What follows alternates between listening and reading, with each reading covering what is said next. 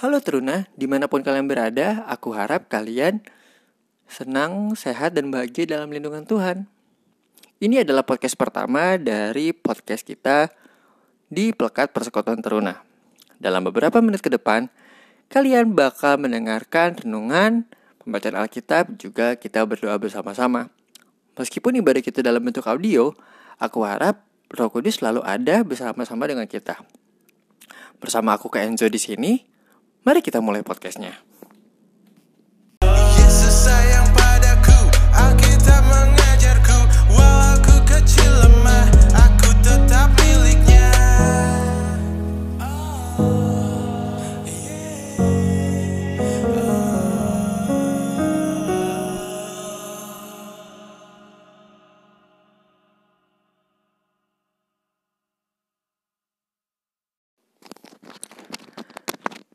Oke, jadi hari ini pembacaan kita terambil dari Yudas pasal yang pertama ayat 1 sampai 16. Sebelum kita mulai, yuk kita sama-sama kita satu dalam doa, minta bimbingan Roh Kudus. Kita berdoa. Tuhan Yesus yang baik, terima kasih Tuhan atas kesempatanmu di pagi hari ini kami boleh mendengarkan merenungkan firman-Mu Tuhan. Kiranya kau persiapkan hati dan pikiran kami agar firman-Mu ini tidak berlalu begitu saja, tetapi kami juga dapat mengaplikasikan firman-Mu ini dalam kehidupan kami sehari-hari Tuhan. Layakan dan sucikan hati kami dan pikiran kami Tuhan. Kami siap untuk mendengarkan firman-Mu. Di dalam nama Tuhan Yesus, Juru Selamat kami yang hidup. Amin. Kita baca ya teman-teman. Surat Yudas pasal yang pertama ayat 1 sampai ke 16. Aku ulangi, surat Yudas pasal yang pertama ayat 1 sampai dengan yang ke-16. Di bawah judul salam. Ayat yang pertama.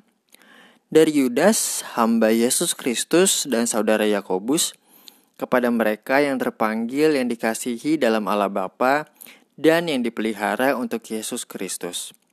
Rahmat, damai sejahtera, dan kasih kiranya melimpahi kamu.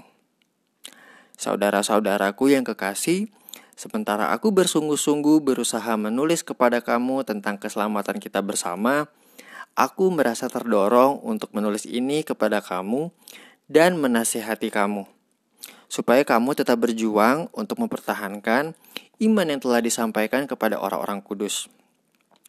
Sebab ternyata ada orang tertentu yang telah masuk menyelusup di tengah-tengah kamu, yaitu orang-orang yang telah lama ditentukan untuk dihukum.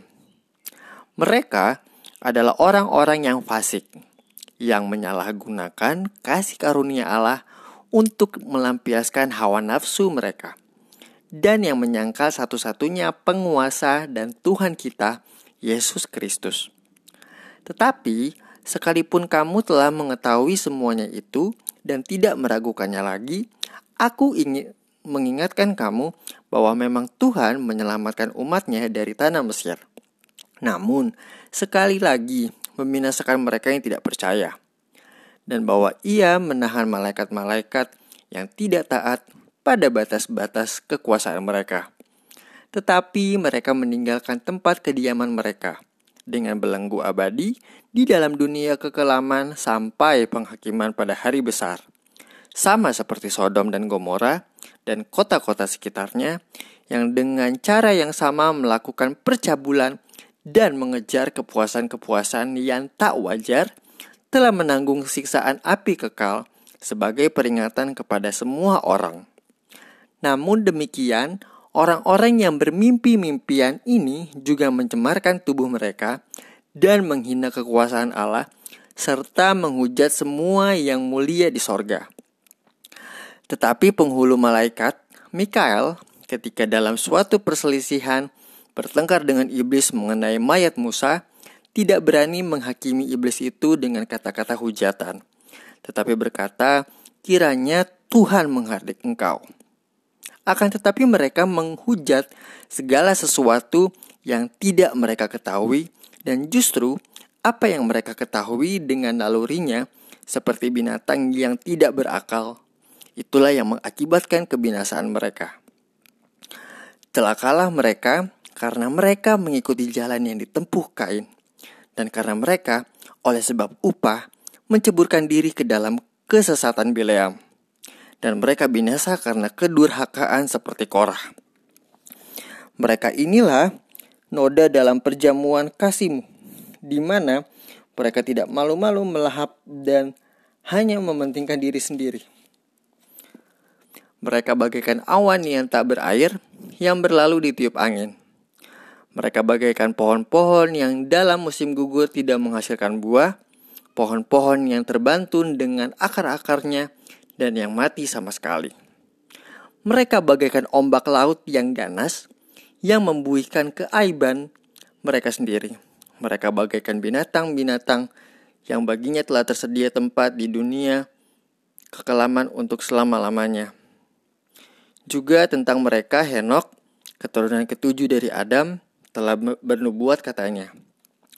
Sesungguhnya Tuhan datang dengan beribu-ribu orang kudusnya, hendak menghakimi semua orang dan menjatuhkan hukuman atas orang-orang fasik karena semua perbuatan fasik yang mereka lakukan dan karena semua kata-kata nista yang diucapkan orang-orang berdosa yang fasik itu terhadap Tuhan. Mereka itu orang-orang yang menggerutu dan mengeluh tentang nasibnya, hidup menuruti hawa nafsunya, tetapi mulut mereka mengeluarkan perkataan-perkataan yang bukan-bukan dan mereka menjilat orang untuk mendapat keuntungan. Demikianlah pembacaan firman Tuhan, biarlah firman itu dapat menetap dalam hati dan pikiran kita. Sekarang kita masuk ke dalam bahan perenungan kita. Oke, Siapa di sini yang tadi pagi udah ibadah sama orang tuanya, nonton kanal YouTube gereja kita GPB Jemaat Gloria. Di sana sudah pasti tuh Bapak Pendeta Jonas sudah memberikan uh, arahan dan juga renungan buat teman-teman semua. Cuma kali ini aku mau kasih sedikit perenungan juga buat kita semua, memperlengkapi kita juga sebagai teruna supaya kita tahu apa sih maksud Tuhan yang mau Tuhan sampaikan ke kita hari ini? So kita mulai. Jadi gini teman-teman. Yudas bersama dengan surat-surat 1 sampai 3 Yohanes, 1 sampai 2 Petrus dan Yakobus itu dikelompokkan ke dalam surat-surat umum. Nah, surat-surat tersebut dialamatkan kepada seluruh jemaat Kristen. Meskipun nggak dijelasin sih jemaat-jemaat mana yang dimaksudkan oleh surat-surat ini. Namun yang penting untuk kita ketahui bahwa gereja purba nampaknya cukup intens ya di dalam memelihara, mempertahankan dan menyebarkan Injil Tuhan. Nggak terkecuali melalui tulis menulis nih. Nah, penulis memperkenalkan dirinya sebagai Yudas atau Yehuda yang adalah hamba Yesus Kristus dan saudara Yakobus atau saudara Yesus. Dengan demikian juga Yudas adalah saudara dari Yesus.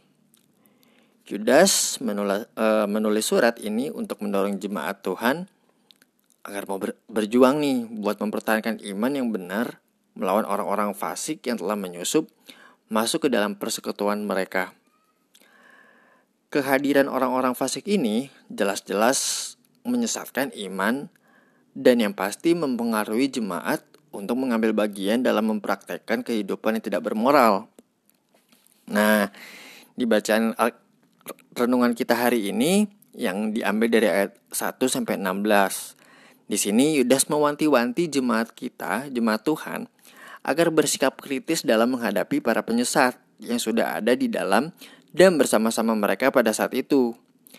Yudas juga memberikan peringatan keras agar supaya umat Tuhan sehati sepikir satu tujuan yakni berjuang mempertahankan iman melawan para penyesat dan proses penyesatan yang mereka lakukan.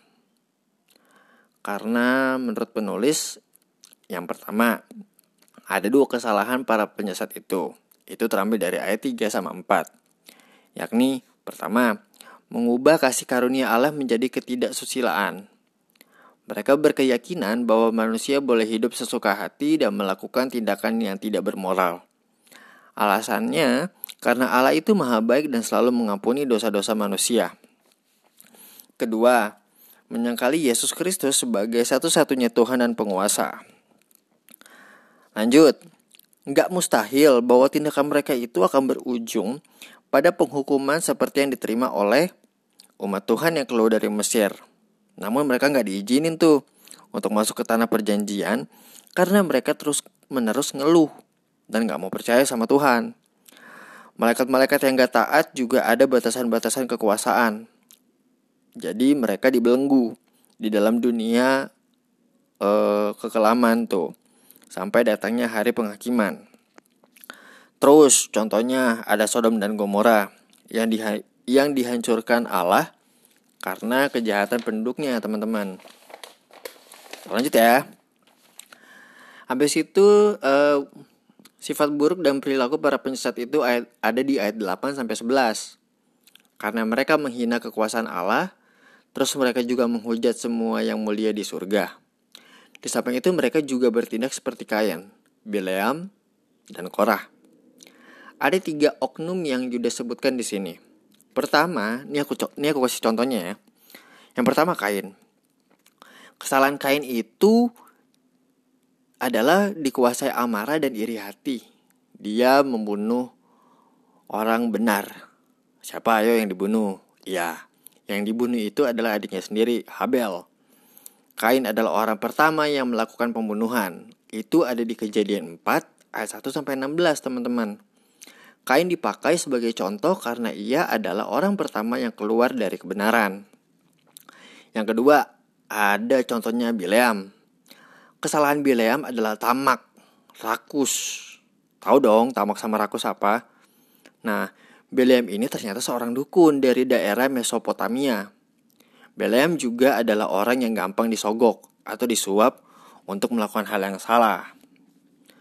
Terus, yang ketiga ada Korah. Nah, kesalahan Korah ini lebih ke iri hati sih kepada Musa sebagai pemimpin. Korah itu punya ambisi buat ngambil kedudukannya Musa sebagai pemimpin. Jadi dia memberontak deh tuh ke Musa sama Harun. Itu ada di bilangan 16 ayat 1 sampai 35 dan bilangan 26 ayat 9 sampai 10. Akhirnya Tuhan bertindak dengan menumpas dia dan segenap pengikutnya. Hukuman bagi Korah yaitu mati di telan bumi yang terbelah. Itu ada di bilangan 16 ayat 23 sampai dengan 33. Itu tiga contoh yang disebutin sama Yudas tadi tuh, oknum-oknum yang e, menghujat semua yang mulia di sorga. Kita lanjut lagi. Keberadaan para penyesat itu penuh dengan kepalsuan yang dianalogikan sebagai berikut nih. Noda dalam perjamuan kasih. Itu salah satu contohnya itu teman-teman. Dalam perjamuan kasih itu yang harus dipentingkan sebetulnya adalah persekutuan dan perhatian terhadap orang lain. Bukan makanannya. Namun demikian orang-orang sesat ini menunjukkan keegoisan mereka gak malu untuk makan sebanyak-banyaknya. Mereka melakukan hal itu gak peduliin orang lain yang mungkin gak kebagian makanan atau enggak. Sehingga menyelewengkan tujuan diadakannya jamuan kasih. Itu analogi pertama yang ditulis sama Yudas. Analogi kedua, gembala-gembala yang mengejar upah atau mata duitan. Yang ketiga, awan yang tak berair. Yang keempat, pohon-pohon yang tidak menghasilkan buah atau yang nggak bisa ngapa-ngapain. Yang kelima, ombak laut yang ganas. Terus yang terakhir, bintang-bintang beredar. Nah, terhadap para penyesat ini yang demikian jemaat Tuhan pada waktu itu dan kita di masa kini diajak dan diajar untuk selalu waspada. Setiap orang percaya harus membentengi diri dengan firman Tuhan supaya kita bersama seisi keluarga kita dijauhin nih dari orang-orang yang berupaya menyesatkan iman kita. Sekarang kita masuk ke dalam sisi teologisnya. Sisi teologis yang pertama adalah keberadaan penyesat dan proses penyesatan dalam tubuh Kristus yang bernama gereja bukan hal yang baru terjadi nih, teman-teman.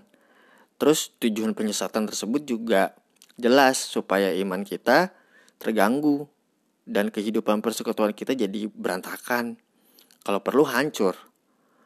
Untuk itulah Yudas mendorong setiap umat Tuhan agar berjuang mempertahankan iman sebagai respons yang benar atas anugerah keselamatan yang diperolehnya. Salah satu kunci untuk dapat mempertahankan iman yang pasti kita harus membentengi diri dengan firman Tuhan sih.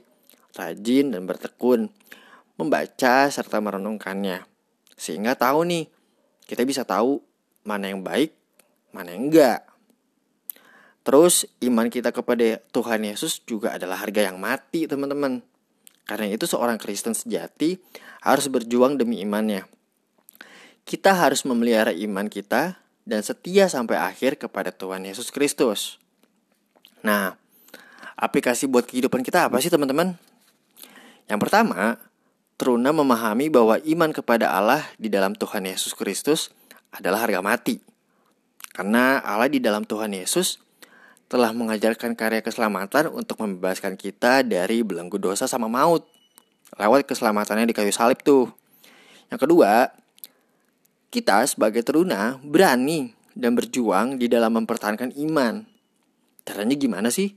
Caranya gampang, yaitu tekun membentengi diri dengan firman Tuhan dan selalu merenungkan firman-Nya siang dan malam. Yang ketiga, teruna dan kita mampu mengenali dan membedakan mana yang ajaran yang baik ataupun ajaran yang gak baik teman-teman.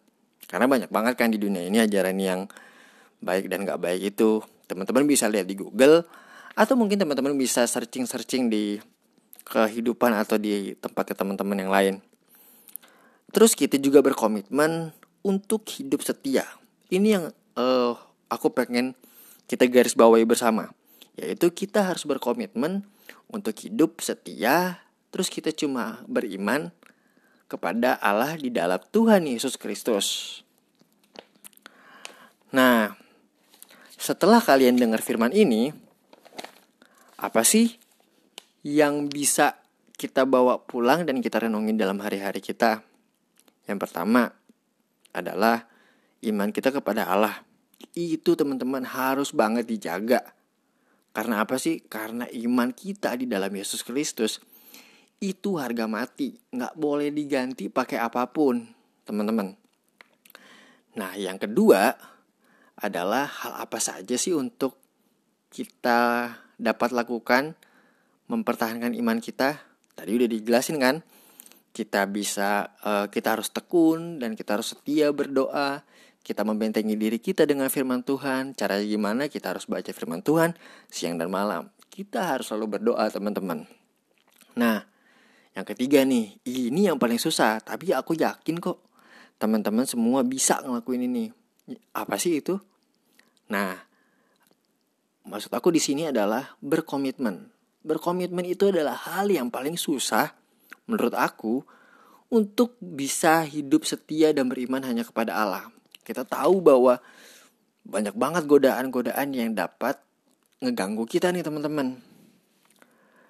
Nah, oleh sebab itu teman-teman, semoga kita lewat perenungan hari ini bisa tuh kita membentengi diri kita supaya kita nggak kegoda, supaya kita nggak keikut-keikut sama hal-hal yang bikin kita tersesat. Aku harap teman-teman semua di sini bisa mengerti apa yang difirmankan Tuhan hari ini. Kiranya firman Tuhan itu dapat menetap dan kita juga bisa membagikan dalam perbuatan maupun perkataan kita di kehidupan kita sehari-hari. Nah, sebelum kita tutup perenungan dan podcastnya, yuk teman-teman kita satu dalam doa dulu yuk. Tuhan Yesus yang baik, terima kasih karena hari ini Tuhan mengingatkan kami lagi nih sebagai teruna-terunamu untuk dapat setia dan taat kepadamu. Kita tahu Tuhan, banyak banget loh di luar sana para penyesat-penyesat yang mau merampas iman dan kepercayaan kita kepadamu Tuhan. Kiranya Tuhan mampu menjaga kami, melindungi kami, dan kami yakin dan percaya bahwa Engkau sanggup Tuhan untuk menjaga kami dalam kehidupan kami sehari-hari. Tuhan, hari ini kami mau berdoa nih buat bangsa dan negara kami.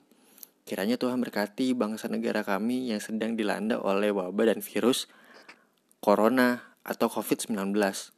Tuhan, kiranya buat teman-teman atau saudara-saudara kita yang terkena ataupun terjangkit, kiranya Tuhan angkat sakit penyakit mereka supaya mereka dapat sembuh dan melakukan aktivitasnya mereka.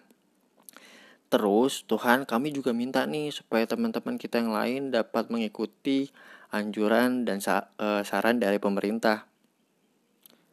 Karena taat akan pemerintah itu juga bagian kami dalam melayani Engkau Tuhan. Kiranya banyak ya teman-teman kami yang tersadar untuk dapat menjaga kebersihan mereka, eh, melakukan social distancing. Agar apa sih Tuhan? Supaya kita nggak terjangkit virus itu. Tuhan, kami juga berdoa nih dalam keterbatasan kami. Kami sebenarnya pengen banget ibadah bareng-bareng sama teman-teman kami. Tapi dengan adanya wabah dan virus yang menyebar di seluruh negara ini Tuhan, kami jadi terbatas. Kiranya Tuhan dapat memberkati kami selalu, di mana pun dan kapan pun. Tuhan, kami juga berdoa bagi pelekat PT GPIB Gloria Tuhan kiranya kau berkati setiap gerak langkah pelayanan kami. Kami tahu Tuhan bahwa saat ini kami terbatas banget langkahnya. Tapi itu tidak menyurutkan iman dan percaya kami. Jangan buat kami goyah Tuhan. Tapi kami selalu tetap percaya kepadamu agar kami senang setiasa setia dan taat kepadamu Tuhan. Kami juga berdoa buat kakak-kakak layan yang setia menjaga, melindungi, dan mendoakan kami setiap waktu. Kami juga berdoa untuk presbiter, di mana pun mereka berada, kau, kau berkati mereka Tuhan. Kami juga berdoa bagi teman-teman kami, orang tua kami Tuhan, khususnya mereka yang sibuk mencari pekerjaan ataupun yang lelah dalam pekerjaan mereka. Kiranya kau berkati mereka, agar mereka bisa dengan tulus dan setia mendidik dan menjadikan kami manusia yang baik di masa yang akan datang Tuhan. Kami juga berdoa untuk pendidikan kami. Di pendidikan kami juga gerak lingkupnya terbatas Tuhan. Kau berkati semuanya itu, kau kuduskan itu Tuhan. Mungkin doa kami gak sempurna, tapi di dalam namamu kami yakin setiap doa yang kami ucapkan itu adalah hasil dari uh, kegundah gulanaan kami sehari-hari Tuhan. Pergumulan kami kiranya di hari ini dapat kau atasi Berikan kami jalan keluar dan kebijaksanaan agar kami dapat melewati hari ini, esok dan seterusnya. Tuhan selalu ada bersama-sama dengan kami. Inilah doa kami Tuhan. Dalam nama Tuhan Yesus, kami sudah berdoa dan mengucap syukur. Amin.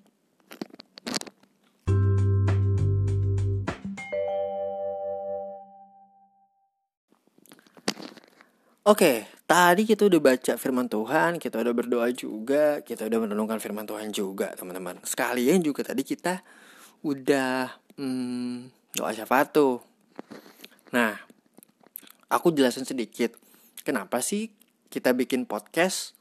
Karena dengan adanya wabah virus corona ini, segala kegiatan apa pun di eh, lingkungan kita itu dibatasi Kenapa? Supaya virusnya nggak menyebar ke mana-mana. Dan kalian juga tetap aman, kalian tetap sehat.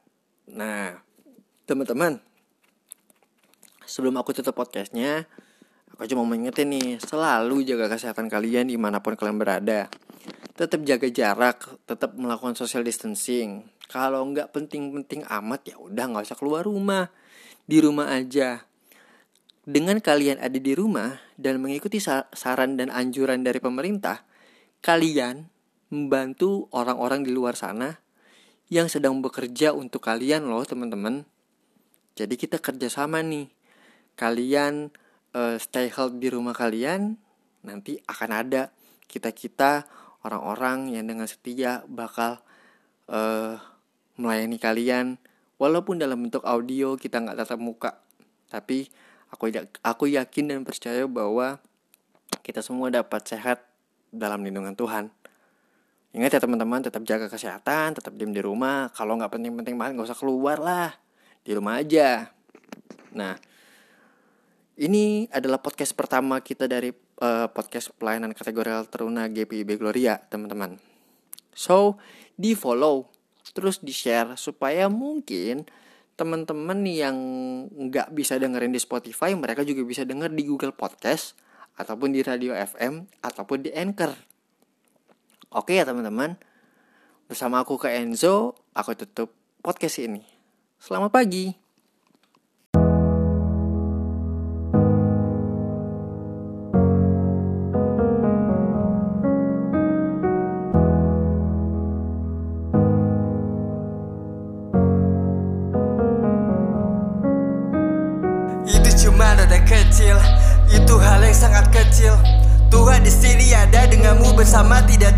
Ruang dan waktu. Dia selalu dengar doamu. Dia selalu melihat kamu. Dia gak pernah ninggalin kamu walau kamu sudah pergi terlalu jauh. Bagaimana Tuhan dapat mengasihiku yang penuh celah? Aku tahu aku manusia berdosa yang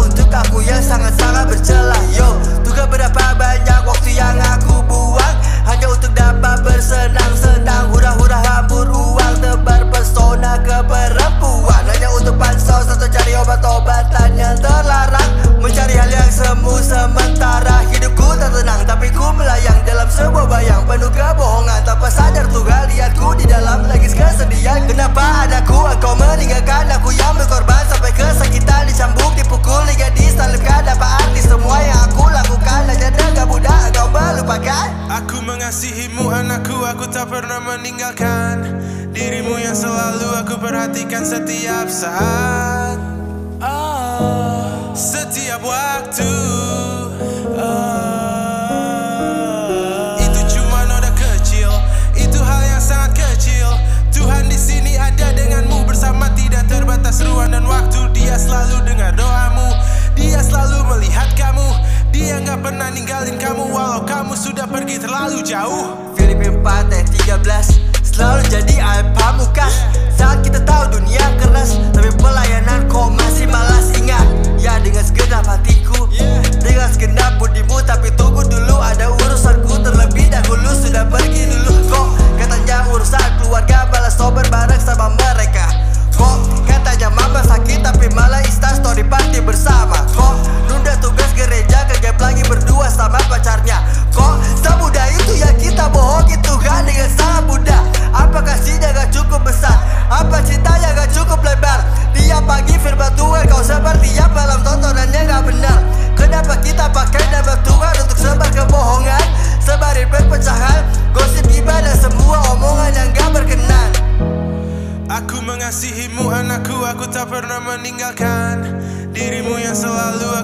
perhatikan setiap saat. Oh, Setiap waktu. Oh, Itu cuma noda kecil. Itu hal yang sangat kecil. Tuhan di sini ada denganmu Bersama tidak terbatas ruang dan waktu. Dia selalu dengar doamu. Dia selalu melihat kamu. Dia nggak pernah ninggalin kamu Walau kamu sudah pergi terlalu jauh. Berharaplah sepenuhnya kepada